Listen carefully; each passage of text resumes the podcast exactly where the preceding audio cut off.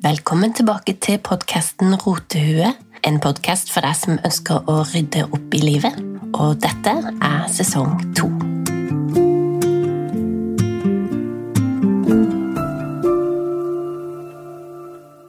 Hallo, alle sammen. Det er godt å være tilbake, og mye har skjedd siden sist. Vi har hatt sommerferie, alle sammen. Jeg håper dere har kost dere skikkelig nå denne episoden her, dette er altså episode én i sesong to, så jeg har lyst til å snakke litt om hva som har skjedd på denne reisa mi. Rett etter jul i 2022 så starta jeg altså rotehueprosessen, og i april så starta jeg denne podkasten Rotehue. Og du kan gjerne kalle dette en midtlivskrise, men jeg ønsker å rydde opp i eget liv og bli litt mer bevisst på valga jeg tar. Så nå er vi i gang med sesong to, da, og eh, jeg skal bruke denne første episoden på å snakke litt om eh, hva som har skjedd siden egentlig januar til nå. Altså Hele prosessen Rotue har ført med ganske så mange endringer. Altså, Jeg så ikke den komme. Jeg tenkte bare at jeg skulle rydde litt, og så eh, balla det på seg, og så ble det en podkast. Og så i den prosessen så har jeg lært utrolig mye om meg sjøl. Og har du ikke hørt første sesong, så anbefaler jeg at du gjør det først. Hele sesongen ligger gratis ute der du hører podkast. Eh, og så kan du gå i gang med denne nye sesongen, sesong to. Den blir i et litt annet format. I eh, noen episoder vil du høre jeg sitter og prater sånn som her. Litt mindre bundet av manus enn sist. Og i noen episoder vil det være intervjuer med veldig kloke mennesker som vi skal lære masse av. Først vil jeg snakke litt om min ryddeprosess. Hele rotehuet starta med at jeg skulle rydde i kjøleskapet. Eh, jeg sto der i skammen med kjæresten min og la frem leverposteibokser med mugg. Eh, fire glass med rødbeter, husker jeg, og masse halvåpna glass med tacosauser. Jeg var veldig usikker på om, hadde, om, de hadde gått ut på dato, eller om jeg kunne bruke de, så jeg bare lot være å forholde meg til det. Det var en sånn typisk ting som gikk igjen. Var veldig deilig å kunne mestre sånn lite område, eh, og så fikk jeg liksom en kickstart da, på alt det andre. Jeg fikk eh, følelse at dette kan jeg lykkes med. Nå kan jeg ta kjøkkenbenken, og så baller det på seg. Og jeg har litt sånn personlighet som gjør at jeg får hangups i ting. da. Så når jeg først syns at noe er litt gøy, så går jeg all in. Og jeg studerer alt jeg finner rundt det. Og eh, her var det minimalistene, Ryan Nicodemus og Joshua Fields Milburn. Eh, jeg fant også ei som kaller seg Clutterbug på YouTube, og jeg hørte på de mens jeg drev og rydda og tok frem roteskuff etter roteskuff. Og som du har hørt tidligere, alle skuffene mine er roteskuffer. Og jeg kvitta meg med masse ting. Sikkert 60-70% av alt jeg eier. Av vanvittig mye ting, altså unødvendige ting, som bare lå gjemt i skuffer og skap, som jeg overhodet ikke bruker eller ser på eller tenker på. Og jeg kan med hånda på hjertet si at jeg i dag ikke kan Jeg har ikke merka at noe av det er borte. Altså, jeg savner ingenting.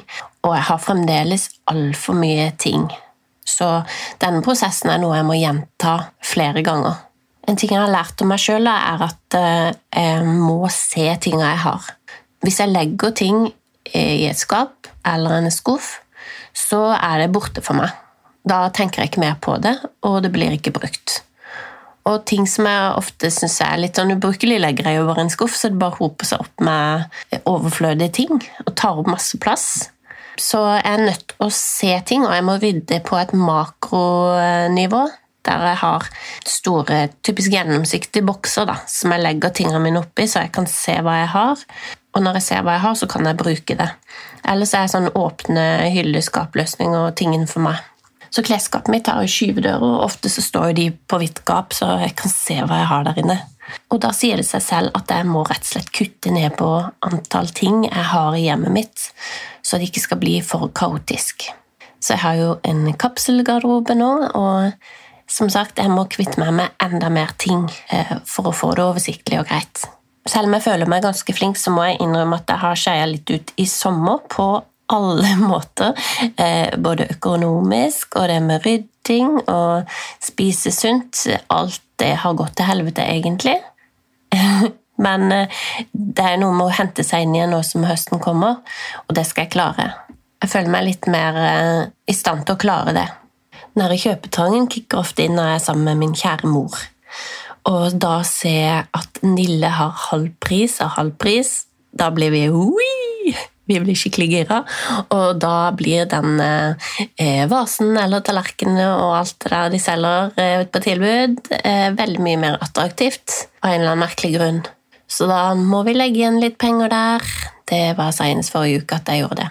Jeg føler jo at jeg kjøpte noe som jeg har bruk for, da. Eh, en vase. det er ikke sant. Jeg har ikke bruk for det. Den var veldig fin. Ja. Så ja, det, det, er ikke, det, er ikke, helt på stell her. Men eh, prosessen er i gang, og jeg har blitt bedre tross alt. Selv om jeg skeia ut i sommer. Jeg har blitt mye mer bevisst på verdier. Altså, hvis du legger sammen prisen av alle disse tingene man kjøper, da, en liten ting her, en liten kaffe der, en liten foundation der, en liten uh, lysestake der, så blir jo det plutselig noen hundrelapper som man kunne satt inn i sparing. Og det er en ny tankemåte for meg. Så da må vi snakke litt om verdier. Det har rett og slett vært en aha-opplevelse å se hvordan det henger sammen. Altså, Jeg har jo aldri hatt råd til å spare, og likevel så flyter det over av småting overalt. Så man la foran meg da på et bord eh, ti lysestaker, to duker, en vase, fem poser chips, tre Big Mac og fire kjøper kaffe og kanskje en kulegrill. som alle kjøper hver sesong. Helt waste. Eh, og så ga du meg valget mellom alle disse tingene og en danmarkstur, eller f.eks. en linse til fotoapparatet mitt. Jeg vil jo velge vekk alt tustet og gripe fatt i en opplevelse eller eh, noe jeg kan bruke og lage flere verdier av. Så det å tenke sånn hele veien, det har eh, hjulpet meg. Men jeg har ikke klart det helt på egen hånd. Det har faktisk vært en app som har hjulpet meg litt med det. Og det er en app som heter Dreams. Den har, så vidt jeg har forstått, blitt laga av en hjerneforsker jeg hørte på Pengesnakk med Lise, som jeg anbefaler, og hadde et intervju med hun som har laga den appen. Dette funker for mitt hue, for da lagrer jeg meg mine egne drømmer, og så setter jeg inn penger og sparer. Det blir trukket hver uke. Så det er litt mer motiverende at det bare tar en jafs i begynnelsen av måneden, men at det tar litt hver uke istedenfor. Og hver gang du går inn, så liksom går summen av penger opp. Og da kan jeg spare til konfirmasjon til min sønn. Jeg har jo spart til en buffer. Jeg har spart til eh, overmadrass. Jeg har spart til eh, reise. Og du kan spare med andre, så jeg har spart med en venninne til en venninnetur. Så da blir drømmene for meg litt mer realistisk. Så nå skal vi se på hva jeg har gjort med økonomien. Det handler jo rett og slett om å få en oversikt. Så jeg har jo gått igjennom økonomien min, altså alt som kommer inn og ut hver eneste måned og skrevet det opp, og da på en måte lagd meg et budsjett. Det viktigste var vel å få oversikten, ikke å lage det fremtidige budsjettet.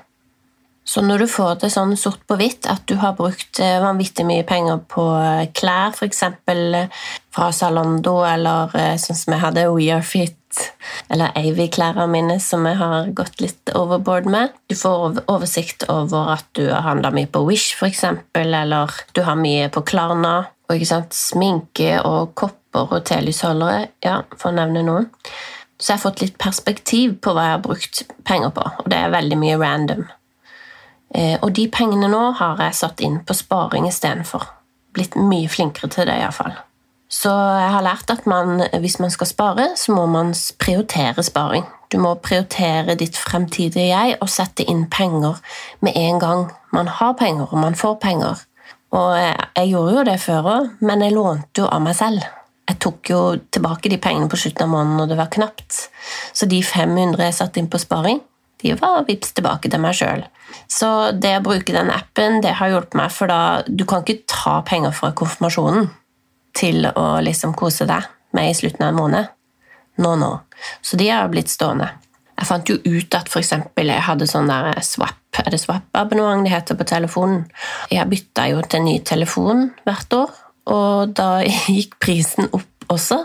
Ja, men det er bare 100 kroner ekstra i måneden. Bare, ja, så fint. Vet du, Jeg var faktisk ikke klar over hvor mye den telefonen kosta meg. Jeg fikk iallfall betalt ned den med en gang, og så hadde jeg noen Klarna-lån og noe annet rask. Eh, sånne smålån. som jeg fikk betalt ned. Ikke det at det var mye rente på det, men det var ting som ble trukket hver måned. Og når jeg fikk eh, frigitt eh, de pengene der, så var det bare å ta de inn på topplånet mitt, huslånet. For da har jeg et stort lån, og så har jeg et mindre lån. Så har jeg et startlån også, og så har jeg studielån. Så det er de låna jeg sitter igjen med nå, og ingenting annet. Og det er litt deilig. Og det å betale ekstra på huslånet, spesielt topplånet, det er jo rett og slett sparing. Det har ikke jeg sett på som sparing før, men det har jeg nå skjønt. Og spesielt nå som renta går opp, så er det jo viktig å få ned lånet. Så alt du kan pøse på inn der, tenker jeg er bra. Så nå jeg hadde lagt litt ekstra på huslånet i måneden, betalt ned smålåna, så var målet å spare opp en buffer. Det gjorde jeg litt sånn samtidig, altså. Så jeg lagde en, eh, et mål på Dream som sto buffer 20 000. Jeg satt egentlig på eh, et ganske sånn langsiktig prosjekt med denne bufferen på 20 000. Jeg husker ikke hva det var, om det var to år eller noe sånt. Og så tok jeg trekk hver uke. Men hver gang jeg fikk inn noe ekstra penger, så tok jeg og pøste på, eh, på bufferen, og det tok faktisk ikke mer enn tre måneder, så hadde jeg 20 000 der. Så det er deilig. Nå har jeg de, og nå har jeg begynt med eh, nye mål og jeg tenker jeg skal bare bygge på den bufferen eh, så fort jeg klarer. Jeg har hatt en eh, stor utgift denne våren som jeg har da sett på som en investering, og det er at som 45-åring eh, så har jeg tatt lappen. Jeg tok teori først, så kjøpte jeg meg bil, og så øvelseskjørte jeg masse, og så tok jeg kjøretimer, og så fikk jeg lappen. Det hele har kosta meg til sammen, inkludert en lille Go, som jeg kaller min Toyota Aygo, 50 000. Altså lappen pluss bil 50 000. Det fikk jeg faktisk bakt inn i huslånet mitt, og det har jeg også betalt ned. En annen ting jeg har lært, er at du må ringe banken for å få lavere rente. Jeg har eh, plagd banken min litt denne våren. På tide å ringe igjen, syns jeg. Nå har de satt opp renta med 1% så ring og spør, det er eh, ingen skam i det, og du får faktisk ikke nedrenta hvis ikke du spør. Så ta kontakt med banken i dag. Det er mitt hotte tips. Så nå har jeg lappen og bil og mer frihet, men jeg har jo samtidig fått skaffa meg en utgift, da. Det er jo både forsikring på bil, bensin og vedlikehold. Så jeg har tenkt at nå må jeg iallfall få maks ut av denne bilen og lappen, sånn at jeg også kanskje eh, tjener på å ha den. Jeg har også gjennomgått en operasjon. Det var en operasjon som jeg har utsatt i elleve år. og endelig så tenkte jeg nå må jeg bare hoppe i det. Så det var jo fantastisk, for jeg fikk jo lappen dagen før jeg dro til sykehuset. Og hadde det ikke vært for at jeg hadde bil og lappen da, så hadde ikke jeg kommet meg rundt eh, de siste ukene. Så veldig bra hvordan det ordna seg. Og nå begynner alt å gå av seg selv og bli bedre. Som dere skjønner, så har det vært mange endringer det siste halvåret.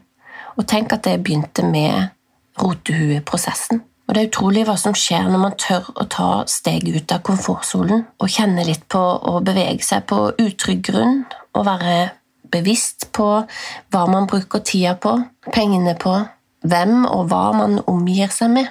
Bare den bevisstgjøringa har vært veldig nyttig for meg. Og det er jo en ting jeg snakka mye om i sesong én av Rotehue, det er tidsbruk. Altså, hva skal vi gjøre med den verdifulle tida vi har? Og hva gir energi, og hva tar energi? Hva har jeg egentlig lyst til å bruke tida mi på? Og så sammenligne det med realiteten. Hva er det jeg faktisk bruker tida mi på? Mye tid bruker jeg på sosiale medier, Netflix og please andre. Jeg er jo sånn people pleaser. Og når man bare går på autopilot og gjør ting av gammel vane. Så det handler mye om for meg å erstatte disse vanene med nye vaner. Og det tar faktisk litt tid, og du må være veldig disiplinert for å få ut en gammel vane og inn en ny. Eh, det er faktisk ikke så lett. Og vi bruker jo veldig mye tid på å ta unødvendige valg. Stå foran klesskapet, kjøleskapet, stå i butikken og bare lure. Jeg syns det har vært nyttig å bare forenkle ting. Ha litt færre valg. Og noen av de valgene jeg har gjort, har jo rett og slett vært litt ubehagelige valg å måtte ta, sånn som operasjonen. Det er ikke gøy å bestemme seg for det egentlig, men det er jo godt i ettertid når ting er gjort, da. Og jeg har også tenkt lenge på at jeg har lyst å ut av læreryrket.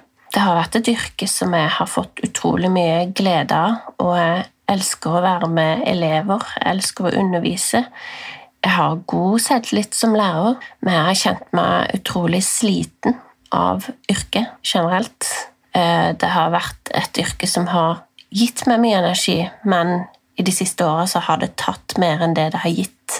Og jeg har gått og fundert på det å finne på noe annet ei stund, og kanskje komme tilbake seinere, men det å få en ny giv og gjøre noe annet tror jeg er ganske viktig. Men det er vanvittig vanskelig å slutte i en fast stilling og en trygg jobb, og gå til noe helt ukjent. Så jeg har på en måte trappa litt ned. Jeg gikk fra 100 til 80% som jeg jobba noen år. Så tenkte jeg nå skal jeg prøve meg på 60% Og i tillegg så tok jeg sendte en melding til TV2 skole og lurte på om ikke de ville ha noe hjelp til å lage et musikkopplegg på sida de sin. Og det ville de, så da fikk jeg jo en 40% stilling der frem til jul.